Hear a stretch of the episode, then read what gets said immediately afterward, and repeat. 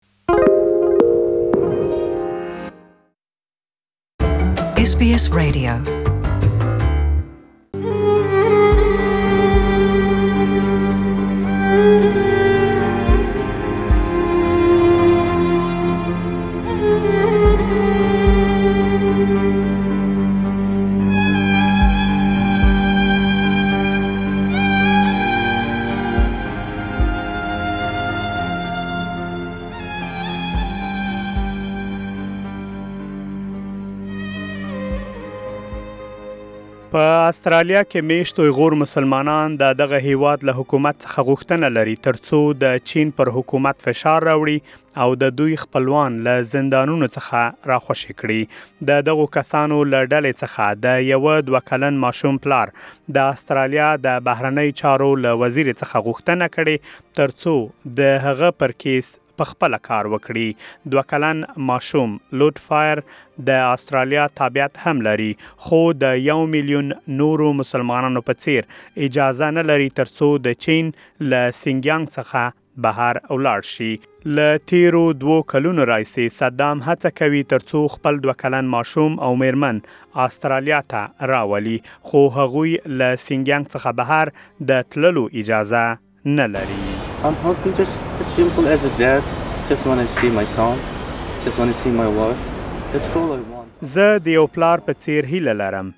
زه غواړم خپل ماشوم وګورم خپله میرمن وګورم دا هغه څه دي چې زه یې غواړم زه نور څه نه غواړم.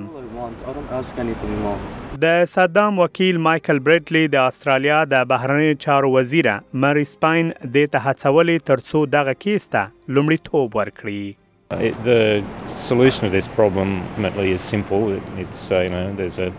د دغې ستونزې حل اسانه ده. یوه کورنۍ په بل هیواد کې بنده پاتې ده. د یوه دوه کلن ماشوم په ګډون چې د استرالیا تابعیت لري. حل لاره دا ده تر څو راوستل شي چې دغه کار سیاسي ارادې سره کیدلی شي. د دوه کلن ماشوم پلار صدام عبدالسلام د استرالیا له حکومت څخه یوازې د خپل ماشوم غوښتنه لري نو موړی وایي تر هغه به آرام نه شي ترڅو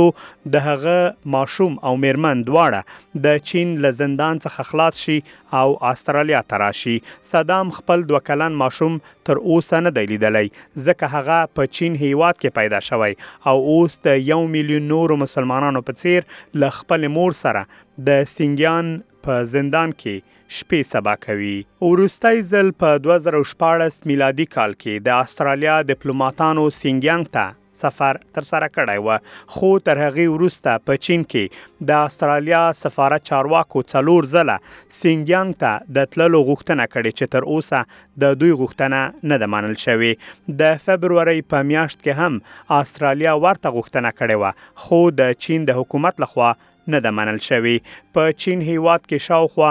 درې ویشت میلیونه مسلمانان استوګنه لري او هر وخت د دغو مسلمانانو د ځورولو په اړه راپورونه په رسنیو کې خپریږي. په چین کې د مسلمانانو لویه ډله د اویغور په نوم یادیږي او د سینګیانګ په مرکز ارومچي کې استوګنه لري. د دوه زره او اتلسم کال په اګست میاشت کې د ملګرو ملتونو یوې ډلې راپور خپور کړ چې په چین هیواد کې یو میلیون مسلمانان په زندانونو کې ساتل کیږي د چین هیواد د اسنادو پښتون سره تل دا خبره رد کړي او ویلي دي چې په یادو مرکزونو کې مسلمانانو ته مندرین ژبه او مسلکی کارونه ښوول کیږي څو ورځې وړاندې د استرالیا په ګډون دوه ویشتو هېوادونو یو ګډ سند لاسلیک کړ ترڅو د بشري حقونو نړیواله اداره له چین څخه غوښتنه وکړي ترڅو